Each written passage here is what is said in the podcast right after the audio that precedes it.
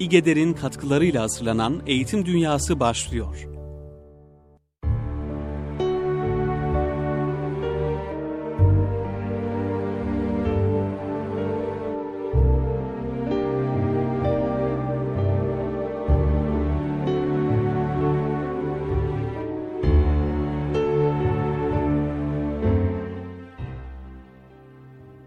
Merhabalar kıymetli Erkam Radyo dinleyenleri. Eğitim Dünyası programında sizlerle beraberiz.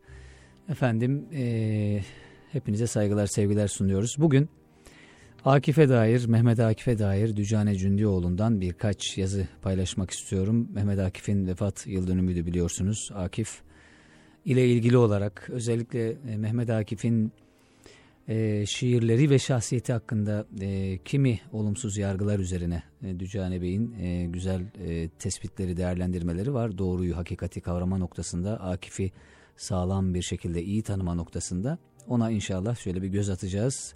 Müstakil bir kitabı var ona dair biliyorsunuz. Akif'e dair ismini taşıyor. Diğer bir eserimiz de bugün eserler üzerinden yürümeyi arz ediyoruz. Akıllı Türk Makul Tarih İhsan Fazlıoğlu'nun 3 e, 4 önemli eseri yayınlandı yakın zamanda. E, dolu dolu İhsan Fazlıoğlu'nun yerini mutlaka bilenler bileceklerdir. E, duruşunu, tarzını. Çok önemli bir açık, çok önemli bir e, yerde duruyor, bir açığı kapatıyor diye söyleyelim. E, onun e, bu özellikle Akıllı Türk Makul Tarih isimli eserinden çok orijinal bir iki yazısı var. Özellikle duymanızı arzu ettiğim şiir Türkleri kurtarabilir mi mesela o başlıkta bir yazı var. Onu e, inşallah paylaşacağım.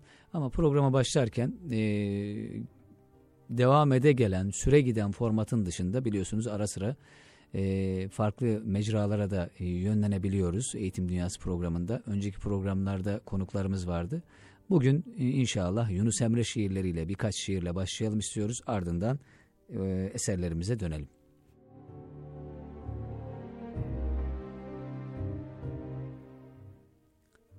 Canlar canını buldum. Bu canım yağma olsun.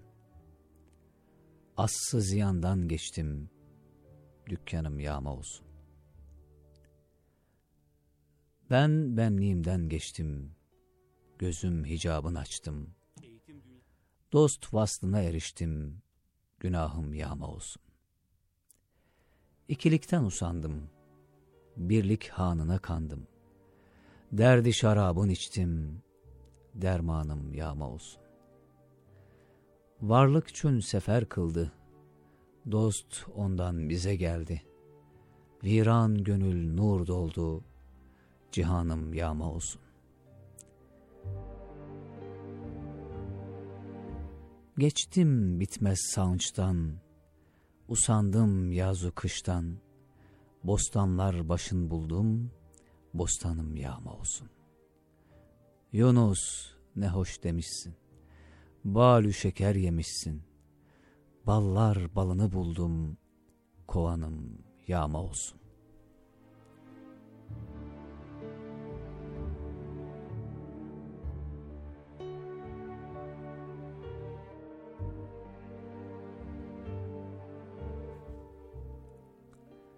Dosttan haber kim getirir? Sorun seher yellerine. Vay bu ayrılık firakı yetişmesin kullarına. Bu ayrılık firakı dünya kime kalır baki? Ol padişah olup saki, kadeh sunar kullarına. Ol kadehin içi dolu, içen ondan olur deli. Ol şeyhimin talipleri, bel bağlamış yollarına. Nefse karşı olan kişi durmaz akar gözü yaşı. Burada nefse uyan kişi dalmaz Kevser sularına. Kevser havuzuna dalanlar, ölmezden öndün ölenler, nefsini düşman bilenler, konar Tuğba dallarına. Tuğba dalından uçanlar, cennet kapısını açanlar, şarabın tahur içenler, banmaz dünya ballarına. Biçare Yunus neylesin, derdini kime söylesin, bir dem tefekkür eylesin bu dünyanın hallerine.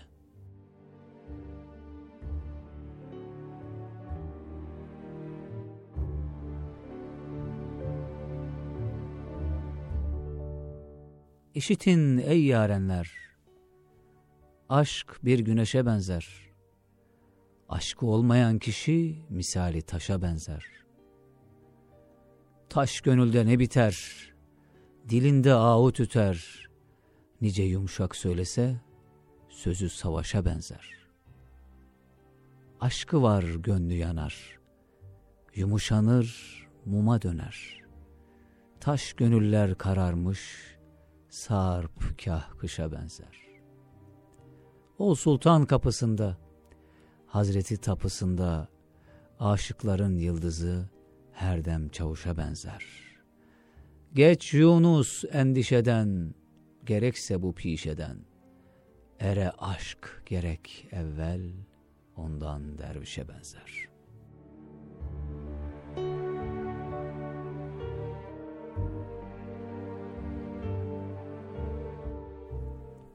Evet, Yunus şiirleri her biri ayrı ayrı gönülde kapılar açıyor Yunus Emre. Bir şair öyle demişti. Türkçe Yunus Emre'nin dizi dibine oturup iman etmiş, Müslüman olmuş bir dildir. O dil de Yunus Emre ile ayrı bir güzellik kazanmış, ayrı bir e, ivme kazanmış, bir yumuşaklık kazanmış. Çünkü Türkçenin geri planında ee, özellikle eski Türkçe'ye baktığımızda, İslam öncesi Türkçe'ye baktığımızda gerçekten bir e, hocanın deyişiyle takur tukur bir e, bir müzik, bir ritim var ama İslam'a girdikten sonra özellikle Arapça Farsçanın etkisiyle e, kelimelerde bir müzikalite, bir yumuşaklık, bir söyleyiş güzelliği e, var oluyor. Bütün bu e, güzellikler de şairlerin eliyle dile kazandırılıyor. Evet, bir kıssayla devam edelim. Bin yıldan önceki asırlarda Bağdat'ta okula giden bir çocuk vardı. Çok fazla ders çalışıyordu ama bir türlü dersleri anlamıyordu. Öğretmenleri de bu çocukla bir süre uğraşmışlar, sonra onlar da uğraşmaktan vazgeçmişlerdi. Çocuk bu duruma çok üzülüyordu. Arkadaşlar onu çoktan geçmişlerdi. Günlerden bir gün çocuk, bu kadar uğraştım, çabaladım, Dersleri bir türlü anlayamadım. Okumak bana göre değilmiş. Ben en iyisi köyüme döneyim, tarla işlerine bakayım diye karar verdi.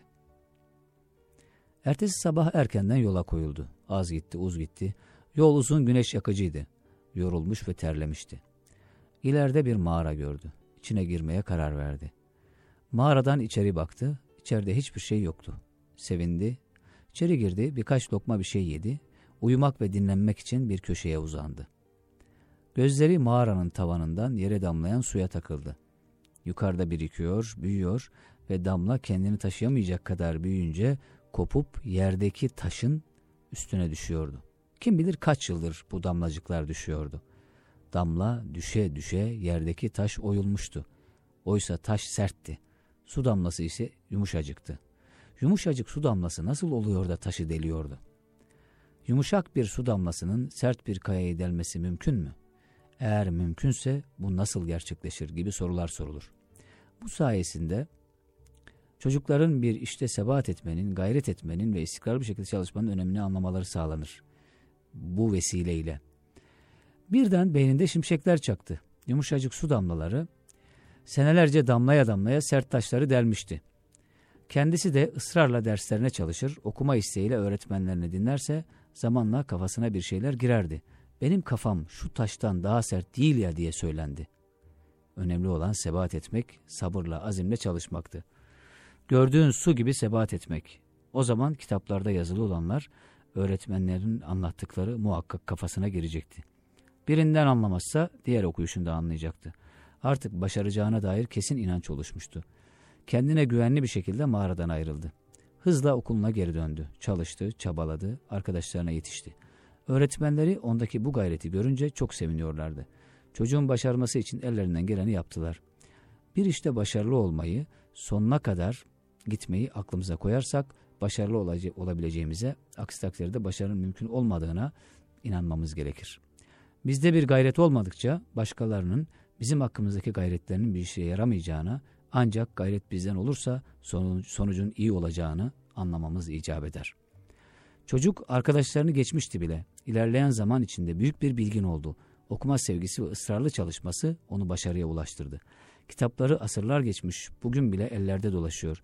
Kendisine nasıl başarılı olduğunu soranlara küçücük ve yumuşak damlalarla delinen taştan ibret aldım diye cevap verdi. Bu bilgin Taşoğlu manasına gelen İbni Hacer adıyla tanındı. Büyük bir İslam alimi oldu. Evet, taşı delen damlaların sürekliliği buna dair bir kıssa paylaşmış olduk sizlerle değerli dinleyenler. İhsan Fazlıoğlu'nun eserine geçmek istiyorum. Şiir Türkleri kurtarabilir mi? Az önce Yunus Emre şiirlerinden de söz ettik. Üzerine bu yazıyı sizlerle paylaşalım. Her medeniyetin varlıkla, var olanla ve bu arada olanla ilişki kurma tarzları vardır. Bir medeniyet bu ilişki tarzlarının bilincindeyse, kısaca kendinin bilincindeyse, kendi bilincine sahipse o medeniyet felsefileşmiş bir medeniyettir. Neyi, niçin ve nasıl yaptığını bilen, niyeti, iddiası olan bir medeniyettir. Kendi bilincine sahip olmanın, kendi hakkında kanaat sahibi olmanın en güzel örneklerinden birini sunar bize ünlü Osmanlı bilgin ailesi Fenarilere mensup Talikizade namıyla meşhur Mehmetoğlu Mehmet ölümü 1599. Talikizade hem Şehname-i Hümayun hem de Şemailname adlı eserlerinde Osmanlı'yı Osmanlı yapan, dolayısıyla milleti millet yapan 20 hasleti sıralar. Bu hasletler arasında merkezinde tevhidin bulunduğu İslam dinine mensup olma, yani Müslüman olma ilk ilkedir. İstanbul gibi, gibi dünyanın merkezi bir şehrin başkenti olması, hem karayı hem denizi için alan geniş bir coğrafya üzerinde hakimiyet kurulması, farklı etnik dini taifelerin barış içerisinde bir arada yaşaması, hukuka bağlılık ve bilginlere saygı gösterilmesi, ülke içerisinde adaletin hakim kılınması ve emniyetin sağlanması, güçlü bir iktisadi yapının kurulması, siyasi iradenin otoritesini sürdürecek güçlü ve daimi bir orduya sahip olunması gibi değişik dini, içtimai, askeri, siyasi ve hatta şahsi hasletler dikkati çeker. Taliki Zade'nin 20 maddesinde göze çarpan hasletlerden biri oldukça ilginç. Şiir yazabilme gücüne sahip olmak. Şöyle diyor Talikizade. 11. hassa kuvveti şiiriyedir bu nesli Hümayun'dan gelen padişahan Zufu'nun cümlesi sahibi tab mevzundur. Saltanat nice mevrusları ise kuvvet-i şiiriye dahi ol vecihle mevruslarıdır. Sultan Osman Gazi'den beri cümle gelen padişahlar şair ve iradi nazma kadirlerdir. Şemail Name'de şöyle geçer. Hassa-i Hamise kuvveti nazmiye. Evet. Osmanlı'yı Osmanlı yapan, dolayısıyla milleti millet yapan 20 hasleti sıralıyor Talikizade ve onlardan biri olarak da kıymetli dinleyenler şiir yazabilme gücünü söylüyor. Bu padişahların da şairliklerinden dem vuruyor bu yazısında. Şiir varlıkla bir ilişki kurma tarzı hiç şüphesiz ya da Hegel'in deyişiyle tüm sanatların hülasası diyor İhsan Fazlıoğlu. Sese, söze ve dile hakimiyetin adı tüm zıtları sonsuzluk duygusunda terkip eden, bir araya getiren sanatların sanatı. Şiir yalnızca söylemez, ifade etmez, dile getirmez ama aynı zamanda resmeder, heykel yapar ve şarkı söyler. Hem mimaridir, hem resim hem de musiki. Sinan ile Itri, Yunus ile Fuzuli'nin açtığı varlık çağında hayat bulur. Sinan ile Itri, Yunus ile Fuzuli'nin açtığı varlık çağında, çanağında hayat bulur. Türkler varlığa, var olana ve bu arada olana şairane bakarlar. Şairane duruş ayıklıktır çünkü. Şiir insana evrendeki yeri konusunda takdir edilemez bir şuur verir. 19. yüzyıl sonunda İstanbul'daki bir fabrikayı gezen Alman seyyahın vurguladığı gibi Türkler tembel değiller. Yalnızca ara sıra dışarı çıkıp gökyüzüne bakmak isterler. Çok ilginç bir tespit. Bakın Türkler Alman seyyah vurguluyor. Tembel değiller. Yalnızca ara sıra dışarı çıkıp gökyüzüne bakmak isterler. Türkler şair millet. Onları dört duvar arasına hapsedemezsin çünkü fabrikaların seması yok demiş. Öyleyse Gökyüzüne bakabilmek için şairene, şairane bir duruşa gerek var. Gökyüzüne baktığınızda yeryüzünü de fark edersiniz. Şiir yazabilmeyi bir haslet saymak ve kabul etmek, hatta bu hasleti saltanatla eşdeğer gibi görmek, tevarüsün halkalarından kabul etmek. Elbette burada sultana nispet edilen bir haslet söz konusu. Ancak unutulmamalı ki asla ait bir haslet unsura da sirayet eder. Asla ait, e, ait olan bir haslet unsura da tecelli eder. Yöneticilerin amelleri, yönetilenlerin eylemleridir çünkü. Burada önemli olan bunun bilincinde olmak ve koca bir devletin, medeniyetin olmazsa olmaz unsurlar arasında saymak, varlık şartı olarak görmek. Şiir, Osmanlı Türk medeniyetinin kurucu unsurudur demek. Osmanlı Türk medeniyetini kuran unsurlardan biridir demek, kendi hakkında bir üst bilincin, yani kendi varlığı hakkında bir üst bilincin tezahüründen başka bir şey değildir diyor. Tarikizade'nin ortaya koyduğu gerçekleri çok önemsiyor İhsan Fazlıoğlu. İşte kendinin bilincinde olan felsefileşmiş medeniyet derken kastettiğimiz bu. Ancak ve ancak kendinin bilincinde olan bir insan yeryüzünde kapladığı mekanın bulunduğu yerin anlamını idrak edebilir. Gökyüzünün ayrımına varabilir. Ancak ve ancak kendinin bilincinde olan bir insan. Böyle bir eşiğe ulaşmanın tek yolu var. Kişinin, milletin kendine ait bir dünyasının olması. Öyleyse kendi dünyanı kur, orada kök sal ve derinleş. Başkasının dünyasına özenen, o dünyayı taklit eden kendi dünyasını kaybeder. Özellikle Osmanlıca bahsinde, işte dil bahsinde ve diğer bahislerde aslında altını çizmemiz gereken bir panoya asıp sürekli bakmamız gereken cümlelerden biri. Kendi dünyanı kur, orada köksal. Başkasının dünyasına özenen, o dünyayı taklit eden kendi dünyasını kaybeder. Araç olan amaç halini alır. Öyle ya, tanzimattan bu yana mukabele-i bilmisil ilkesiyle yola çıkanlar kendi misallerini kaybettiler. Kendileri misal olmaktan çıktılar. İhtiyaç amaç oldu, amaçsa ihtiyaç. Delilenlere göre, delilenlere örnek olması bakımından şu hatıram yeterlidir sanıyorum diyor Fazlıoğlu. 2002'de Amerikalı bir oryantalist, casus, İslam felsefesi uzmanına Türkiye'yi nasıl buldunuz diye sorduğumda şöyle bir cevap vermişti. Kendimi biraz katolik hissettim. O zaman anladım ki unsur asılla ilgili değilse, asla dönmüyorsa bize yabancıdır. Yabancılıksa kişinin kendi hakkındaki bilinç yoksunluğudur, tarihsizliktir desek yeridir. Tarihsizlik. Evet. Talikizade'nin Şehname-i Hümayun'da Osmanlı hanedanına dolayısıyla Osmanlılara nispet ettiği 20 haslet neymiş onlara bir göz atalım.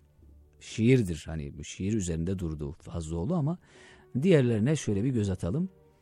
Osmanlılara nispet edilen Osmanlı'yı Osmanlı'nın kurucu unsurları olan meseleler. 1. La şerefe minel İslam mucibince siyadeti Suriye'ye, saadeti maneviyeye munzam olup maliki memaliki riyaseteyn ve naili nevaili neşeteyn olduklarıdır. Yani İslamiyete mensubiyet ve bağlılık birincisi. Osmanlılara nispet edilen 20 haslet. Bir, İslamiyete bağlılık. İki, Hamil haremeyn şerifeyn ve harisul beldeynil mukarremeyn olduklarıdır. Yani kutsal şehirler olan Mekke ve Medine'nin bekçisi ve koruyucu olmalarıdır. Osmanlı'yı Osmanlı yapan, bizi biz yapan unsurlar. 3. İbn alel ebdur. Oğul babasına terakki etmek ancak nesli şerifül asli Osmaniye'ye mahdustur. Devletin gücünün babadan oğula artarak devam etmesi süreklilik. 4. Sultanül ber ve bahr olduklarıdır. Yani hem karaya hem denize hakim olmaları. 5. Leşker perveridir. Devamlı orduya sahip olmaları. 6. İstanbul gibi Darus Saltanat-ı Seniye-i malik olmuşlardır. Yani İstanbul'un başkent olması. Akalimi sebaya malik olduklarıdır. Yani yedi iklimde şehirlerinin olması. Yedi iklim. Coğrafi genişlik. Sekiz, imareti bilad ve serveti ibad. Yani ülkenin mamur, halkının zengin olması. Dokuz, terakümi milel ve telatümi nihal.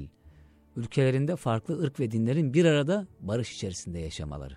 Osmanlı'yı Osmanlı yapan, bizi biz yapan unsurlar. 10. Şecaat. Zamanı geldikçe kuvvetten fiile ve azimden cale gelir. Yani her bir sultanın şahsi cesaret ve teşebbüs sahibi olması. 11. Kuvvet-i şiiriye. Az önce açtı orayı. Şiir yazma hassası özelliği. 12. Ademi istimdat. Dışarıdan yardım almama, dışarıya muhtaç olmama.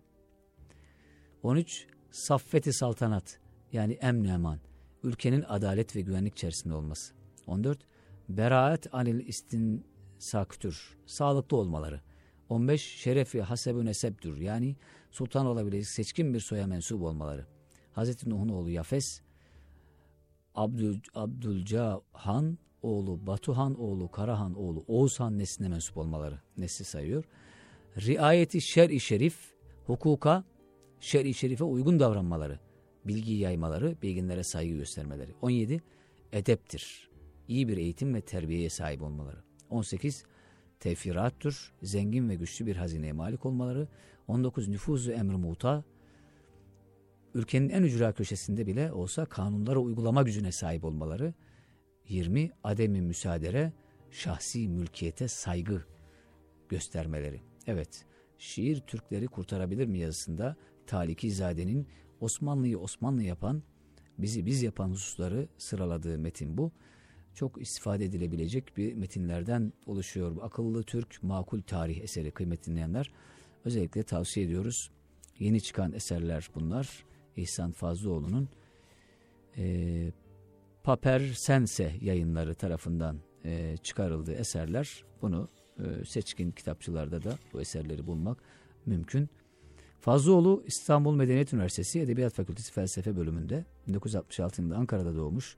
İstanbul Üniversitesi Edebiyat Fakültesi Felsefe bölümünü bitirmiş. Ürdün Üniversitesi'nde ve Arap Bilim Tarihi Enstitüsü'nde bilim ve matematik tarihi üzerine araştırmalar yapmış. Yüksek lisans çalışmasını İstanbul Üniversitesi Bilim Tarihi bölümünde, doktorasını İstanbul Üniversitesi Felsefe bölümünde tamamlamış. Oklahoma Üniversitesi'nde sahasıyla ilgili araştırmalar yapmış. 2005 yılında doçent olmuş. İslam Araştırmalar Enstitüsü'nde misafir öğretim üyesi olarak bulunmuş, proje danışmanlığı yapmış, kıdemli bir araştırmacı. Halen İstanbul Medeniyet Üniversitesi Edebiyat Fakültesi Felsefe bölümünde öğretim üyesi. Fazlıoğlu felsefe bilim tarihiyle matematik tarihi ve felsefe üzerine yoğunlaşmakta. Özellikle bu yapıların İslam, Anadolu, Selçuklu, Osmanlı, Türk medeniyet tarihi içerisindeki gelişmelerini yazma kaynaklara dayanarak, özellikle yazma kaynaklara dayanarak altını çizelim, incelemekte ve yayınlar yapmaktadır kıymetli dinleyenler.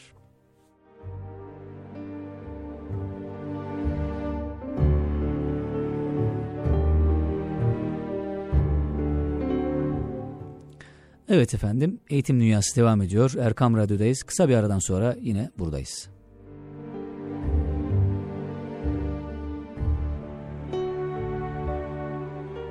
Eğitim Dünyası kısa bir aranın ardından devam edecek.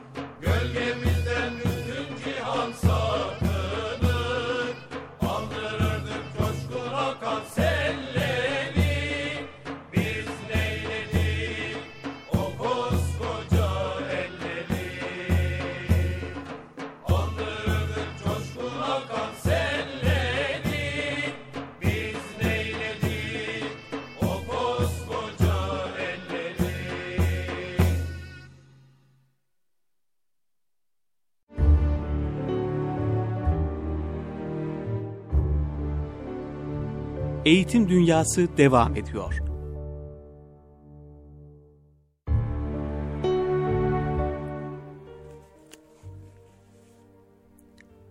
Ya Nebi, şu halime bak. Nasıl ki bağrı yanar gün kızınca sahranın, benim de ruhumu yaktıkça yaktı hicranın. Harimi pakine can atmak istedim durdum. Gerildi karşıma yıllarca ailem, yurdum.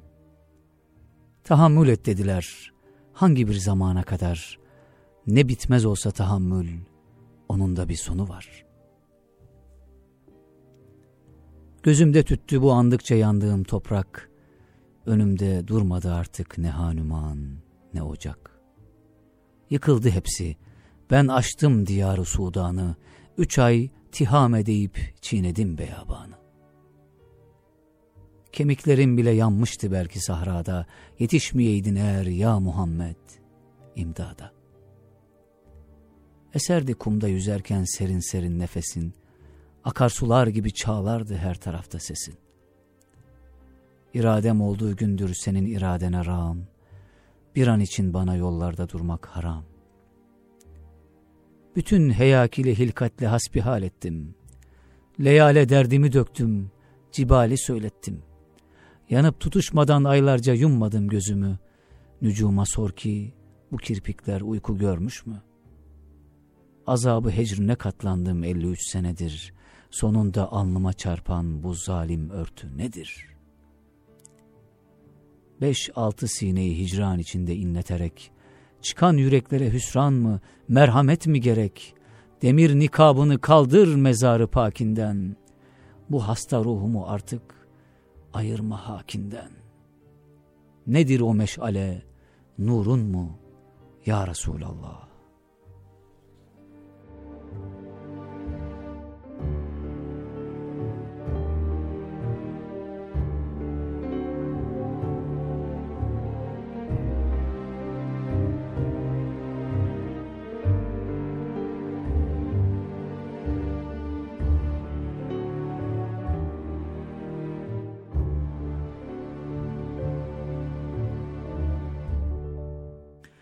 Evet, Mehmet Akif'i rahmetle yad ediyoruz değerli dinleyenler. Necit Çöllerinden şiirini sizlerle paylaştık. Issız sokaklarda dinlenen şiirin şiddeti başlıklı bir yazı var. Akif'e dair Dücane Cündioğlu'nun kitabı elimde. Oradan bazı metinler paylaşmak istiyorum sizlerle. Kendisine cadde ortasında şiir okumak isteyen genç bir adama şiir sükunet ister, şiir ciddiyet ister dercesine mukabele edip onu tenha bir sokakta dinleyecek kadar hassas, Efendimiz Aleyhisselatü Vesselam'a atılmış iftiralarla dolu bir kitabı çeviren devrinin meşhur bir yazarına elimden gelse seni tepelerim diyecek kadar şedid bir şairden yani Müslüman bir şairden Mehmet Akif'ten söz açmak istiyorum şimdi size. Onu önce bir dostundan Mithat Cemal'den dinleyelim. Sesini bile öğrenemediğim adam Akif o günden beri içimde bir merak oldu. Birkaç gün sonra ona Koca Reşit Paşa türbesinin önünde rastladım, selamlaştık. Artık yan yana yürüyorduk. Artık benimle konuşmaya mahkumdu. Fakat yine konuşmuyordu. Öyle ki uzaktan bakanlar beraber gittiğimizi anlayamazlardı. Bir aralık bari ben lakırdı edeyim dedim. Fakat söylediklerimi o derece benimle müşterek olmayan bir yüzle dinliyordu ki lakırdıların muhavere olamıyordu. Bir aralık konuşmasından vazgeçtim, sesine razı oldum. Fakat bu Mehmet Akif Bey benim bir sürü lafıma bir edatla olsun cevap vermiyordu. İçimden ben seni bülbül gibi söyletirim dedim. Çünkü biliyordum ki bir insanı geveze yapmak için en kısa çare o insana meziyetlere ait şeyler sormaktır. Şiirlerinizi niçin bastırmıyorsunuz efendim? Nesini bastıracağım değer mi? Şaştım. Bu adamın sesinde Arapça yoktu. Bu ses mühtez, asabi, zeki sesti. İnsan yüzü kadar manalı ses. Sesinin bu temiz güzelliği kadar kendinin haddini bilmesi de hoşuma gitti. Şiirlerinin basılmaya layık şeyler olmadığını biliyordu. Demin kendisiyle eğlenmeye karar verdiğim için ona birdenbire acıdım. Mahzundum ve kendisinin haberi olmayan bu mağduriyetine merhameten o zamanki mucizelerimden bir şiirimi okuyacağımı ona haber verdim. Bir de kibar tevazuyla dedim ki, Böyle sokak ortasında sizi rahatsız etmiş olmayayım sakın. Rahatsız olmak ne demek? dedi. Yalnız iyi dinlemek isterim. Şu sokağa sapalım. O gün saptığımız sokak bir sanatkarın şiirini en son sesiyle okuyacağı kadar ıssızdı. Şimdi de Mehmet Akif'i bir düşmanından Doktor Abdullah Cevdet'ten dinleyelim. Balkan Muharebesi'nden sonra Talat Paşa merhum ve rufekası bir müdafaa-i milliye müessesesi vücuda getirdiler.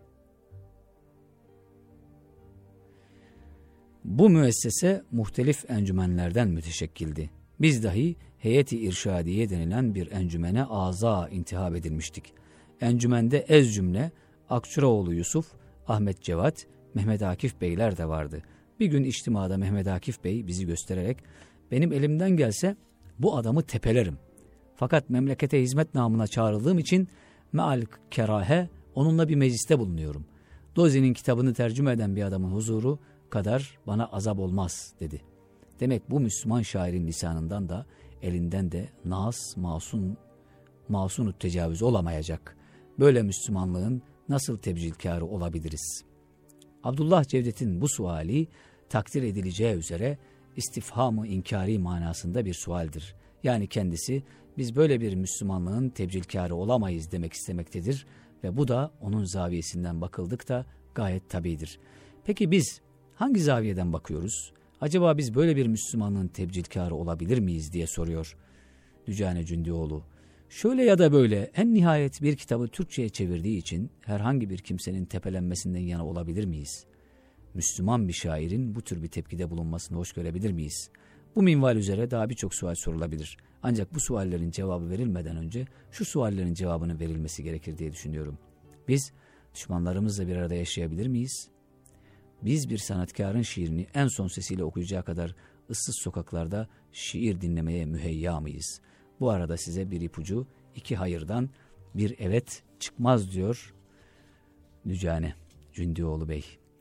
Asım'ın Nesliymiş yazısı var devamında. Bunlar da bu Akif'e dair çok önemli yazılar. Şiirin arkasında kalan şair özellikle bu yazıyı da paylaşmak istiyorum sizlerle. Şiirden açtık bahsi, şiirle devam edelim. Ee, ya Kur'an ya Hüsran. Cengiz Numanoğlu'nun bir güzel şiiri var. Mehmet Akman ağabeyimizin de bir okuyuşu var. Onu dinleyelim ardından şiirin arkasında kalan şairi konuşalım değerli dinleyenler.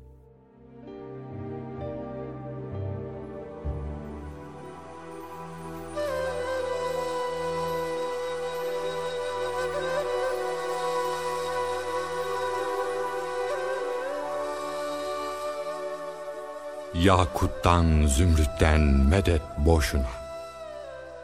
Hepsi bir gün döner çakıl taşına.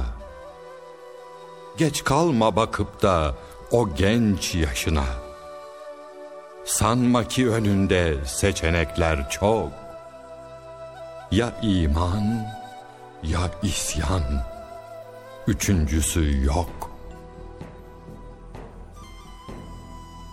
Dünyanın serveti, şehveti sahte. Bir kefen kadardır vefası ahde. Boğma vicdanını meyde kadehte. Sanma ki önünde seçenekler çok. Ya ahlak ya helak. Üçüncüsü yok. Sen şerefli doğdun, şerefli yaşa. O bencil nefsini vur taştan taşa. Yoksa çıkamazsın şeytanla başa. Sanma ki önünde seçenekler çok.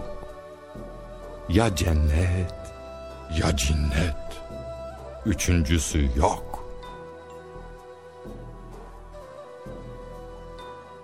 Bir kere baktın mı kalkıp seherde? Kapılar açılır gök perde perde. Sordun mu Kur'an'a kurtuluş nerede? Sanma ki önünde seçenekler çok. Ya şükür ya küfür, üçüncüsü yok.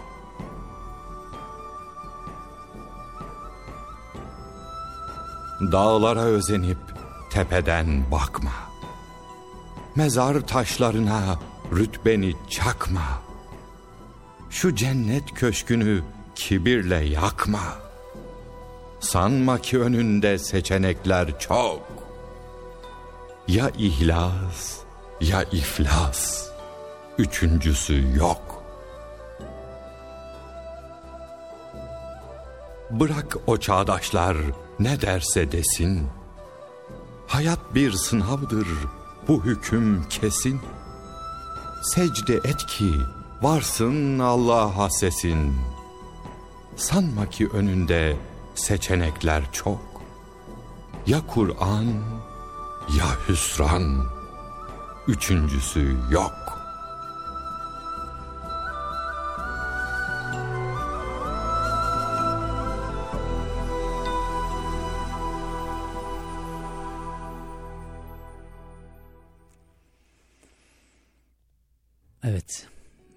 Gayet güzel bir şiir, güzel bir okuyuş. Hem Cengiz Numanoğlu'na hem Mehmet Akman'a ayrı bir teşekkür etmek gerekiyor. Ee, var olsunlar. Cengiz Numanoğlu'nun da bende yeri ayrıdır. Çok güzel şiirleri var kendisinin. Özellikle heceyle yaz son dönemin hecesinin iyi ustalarından biridir. Ee, Mehmet Akman'a da zaten e, söylememize gerek yok. Onun yeri ayrı. Ee, Allah razı olsun hepsinden. Teşekkür ederiz. Evet. Efendim şiirinin arkasında kalan şair nasıl oluyor? Mehmet Akif'i böyle nitelemiş Dücane Cündioğlu. Bir bakalım Mehmet Akif nasıl kalmış şiirinin arkasında. Mehmet Akif'in bilindiğini ama tanınmadığını söylersek acaba abartıya kaçmış mı oluruz? Hemen şok edici bir soru. Hayır kesinlikle hayır. Mehmet Akif biz için yaşayan, bize hizmet eden, önemsediği, değer verdiği, hatta kutsadığı biz için benini feda etmekten çekinmeyen bir şairdi. Bir dava adamıydı. İddiası vardı, gerçekleşmesi için canını feda edebileceği sevdaları vardı. O bize hizmet amacıyla yazdı, biz için yazdı ve yaşadı. Cemiyeti beşeriyeye yani mensubu bulunduğu, ait olduğu topluma adadı kendisini. Bizler de onu öyle tanıdık. Bizim için yaptıklarıyla, bizim için yazdıklarıyla, bize göründüğü kadarıyla. Oysa bir de gizden gizliye kendisini yazan, anlatan, kuytu köşelerde bir başına kendisini düşünen, kendisi için düşünen ve yazan bir Akif vardı. Bize görünmek istemeyen, belli etmese de bizden kaçan, kaçmaya çalışan bir Akif. Huzuru mahşerde namu nişanı anılmasın deyu, mahvı vücud eyleyen, yani kendisini yok etmeye çalışan bir Akif. Kim başarmadığını söyleyebilir ki? Başardı. Ne yapıp edip nazarımızın uzağına düşmeyi becerdi. Kalabalıkların içinde bile yalnız kaldı. Hem de bile isteye yalnız kaldı. Kur'an-ı Kerim'i tercüme ettiği o çetin yıllarda dinlenmek için Mesnevi-i Şerif'i iki kez hem de şerhleriyle birlikte hatmeden Akif'i şayet safahatında bulmak istiyorsanız biraz sonlara doğru yürümelisiniz. Mesela Safahat'ın yedinci kitabını biraz daha dikkatlice okumalısınız. Kendisine ulaşmak isterseniz, hicranına, gecelerine, secdelerine ortak olmak istiyorsanız, evvel emirde koynunda neyiyle, boynunda hiç yaftasıyla avara avara sokaklarda dolaşan Neyze'nin ehibbasından Akif'le hemhal olmalısınız. Bu Akif'i nerede bu? Bu Akif'i nerede bulabilir? Onunla nerede tanışabiliriz? Elbette resim arkalarına yazdığı o mini mini kıtalarda. Gölgesinin ardına gizlenen Akif resim arkalarındadır. Arkalarda yani görünmemek için saklanıp gizlendiği hicran dolu suretlerin arkalarına ehibbaya selam olsun deyü karaladığı kırık dökük mısralarda. Tabii bir de mektuplarında. Akif dostlarına yazdığı mektuplarda kendisini gizlemeyi pek başaramaz ama daha çok kendisi olur. Konuşmaktan çok susmayı itiyat edinmiş bir, bu büyük adamın gerçekte susarken konuştuğunu bilenler bilir. Mektuplarında mektubun yazıldığı kişilere göre bazı farklılıklar taşısa da sızısını, öfkesini, ızdırap veya sevinçlerini dışa vurmaktan, belli etmekten pek kaçınamaz. Hacı Baba'nın yani Babanzade Ahmet Naim'in vefatından duyduğu teessür tek kelimeyle fevkaladedir. Bu nedenle olsa gerek Hacı babasını pek bekletmemiş, vefatının ardından en çok iki yıl bekledikten sonra kadim dostunun yanına gitmiştir. Şeyhi Ekber hakkında hüsnü zannımın zerresini bile feda etmem diyen belki de hayattaki en yakın dostunun yanına. Bizim için yazmış ve yaşamış bir şairin bizim için yaptıklarını önemsemediğini söyleyemem. Nitekim ilgilenenler vitrindeki Akif'le ilgileniyorlar. Onu vitrinde, bizim önünde, bizim önümüzde alnı pak, sırtı pek bir surette tutabilmek için hakikaten ciddi çabalar gösteriyorlar. Biz, bizim için yazan ve yaşayan Akif'i iyi kötü biliyor, hatta eğer tanımak denebilirse buna az çok onu tanıyoruz. Peki ben, ben benini de düşünen, ben için, beni içinde yazmaya, yaşamaya çalışan, bile isteye gözlerden Irak'ta kalmayı seçmiş olan Akif'in her birimiz için tek tek bizler için söyleyecek çok sözü olduğunu da biliyorum. Kısacası Akif'in şiiriyetinin asıl bu vadide ortaya çıktığını vurgulamaya çalışıyorum. Şairler dervişlerin kardeşidir. Aynı kaseden içerler çünkü. Muhayyilenin kasesinden. Akif bir şair derviştir. Kimsenin kuşkusu olmasın ki büyüklüğü de buradadır hem de vitrindekilere bakmaktan gözleri kamaşmış olanların asla göremeyecekleri küçüklükteki bir büyüklük. Bize boş verin, bizi boşlayın demiyorum. Sadece biz kadar benim de ilgiye muhtaç olduğunu, üstelik ben büyümedikçe bizim büyüyemeyeceğini söylüyorum. Sorarım size, şiirin önünde değil, arkasında kalan bu şairi keşfetmek için şimdi değilse ne zaman yola düşeceğiz? Evet, bu soru Dücane Cündioğlu'nun Akif'e dair isimli kitabından kıymeti dinleyenler.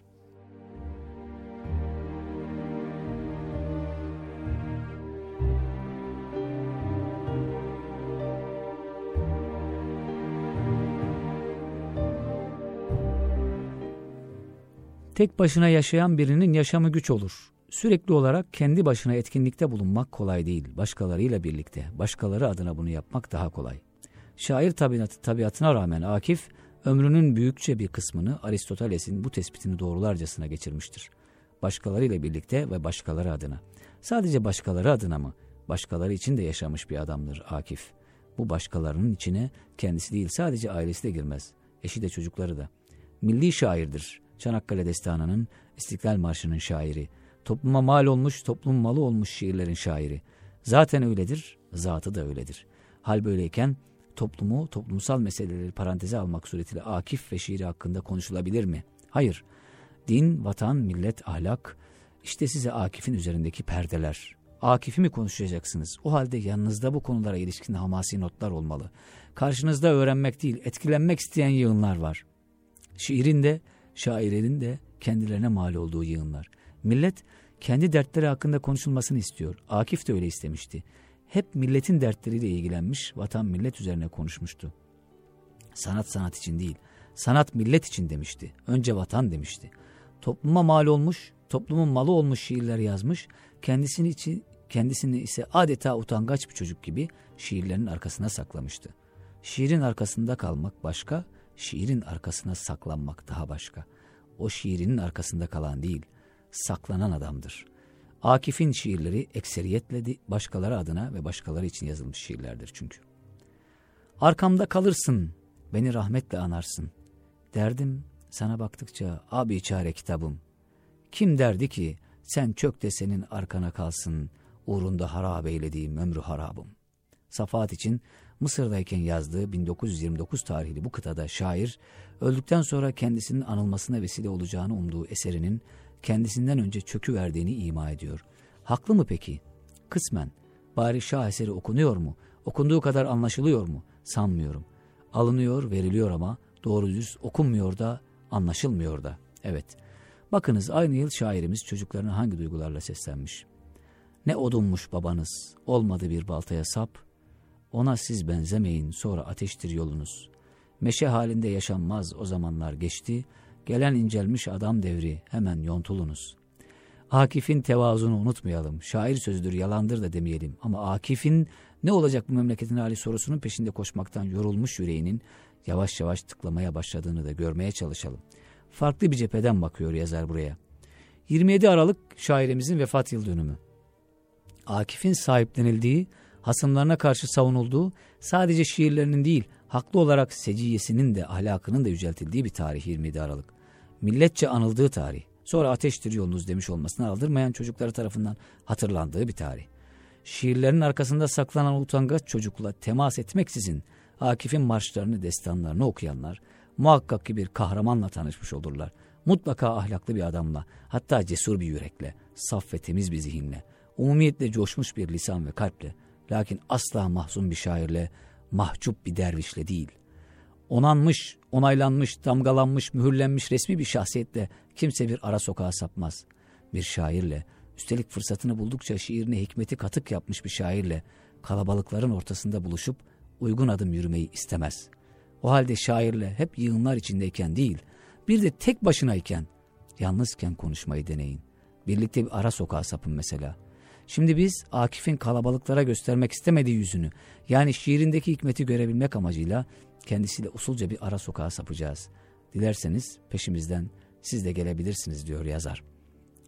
Bu bir mabetse çırılçıplak yakışmaz sonra gayet loş. Gelen mabut, ışık bul, yaygı bul, git başka yerden koş. Hemen bir kandil aldım komşulardan bir de seccade. Dedim, gel şimdi mihmanım, saadetgahın amade. Ne yanılmış hesabım, hiç kapımdan geçmez oldun bak. Mehmet Akif'in Hicran adlı şiirinin girişi yazıldığı tarih 1925, yer Mısır. Akif'in bu mısralarından yağan hikmet sahna ise nazarımızda nihayetsiz. Abidin kendisi yoksul, bu yüzden mabedi de hem boş hem loş. Oysa ağırlanacak olan sıradan biri değil ki, mabut yani Allah. Çırılçıplak olmaz mabet dediğin, hemen yaygı bulmalı, yere sermeli, konuksa karanlıkta değil, ne yapıp edip aydınlıkta ağırlanmalı, görmeli, görülmeli, öyle ya, Mahmut'la yüz yüze görüşülmeli. Evet efendim, şimdi Yücane Cündioğlu, Akif'in kalabalıklara göstermek istemediği yüzünü, yani şiirindeki hikmeti görebilmek amacıyla kendisiyle usulca bir ara sokağa sapacağız diyor. Yani şiirindeki hikmeti görebilmek maksat burada. Bir yolculuğa çıkacağız diyor ve bu yolculuğa da okurlarını davet ediyor. Ve daha yazının devamında da o ara sokaklarda Akif'in yazdıkları üzerinden hikmetin peşine takılmış gidiyor. Biz de onun peşinde devam edeceğiz ama tabi vaktimiz el vermiyor buna.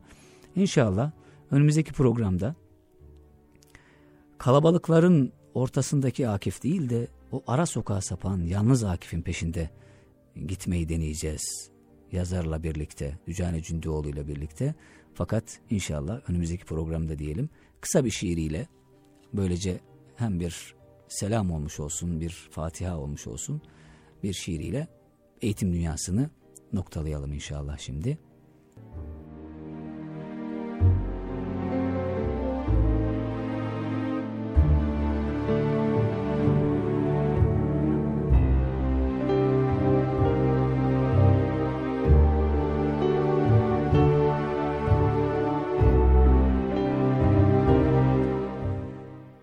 Resmim için. Toprakta gezen gölgeme toprak çekilince heyhat. Günler şu heyulayı da er geç silecektir. Rahmetle anılmak ebediyet budur ama sessiz yaşadım. Kim beni nereden bilecektir? Sessiz yaşadın ama seni çok bilen var ve rahmetle anılıyorsun inşallah. Böyle söyleyelim şairin ardından. Rahmetler gönderelim. Böylece eğitim dünyasını noktalayalım. Haftaya buluşmak dileğiyle Allah'a emanet olun.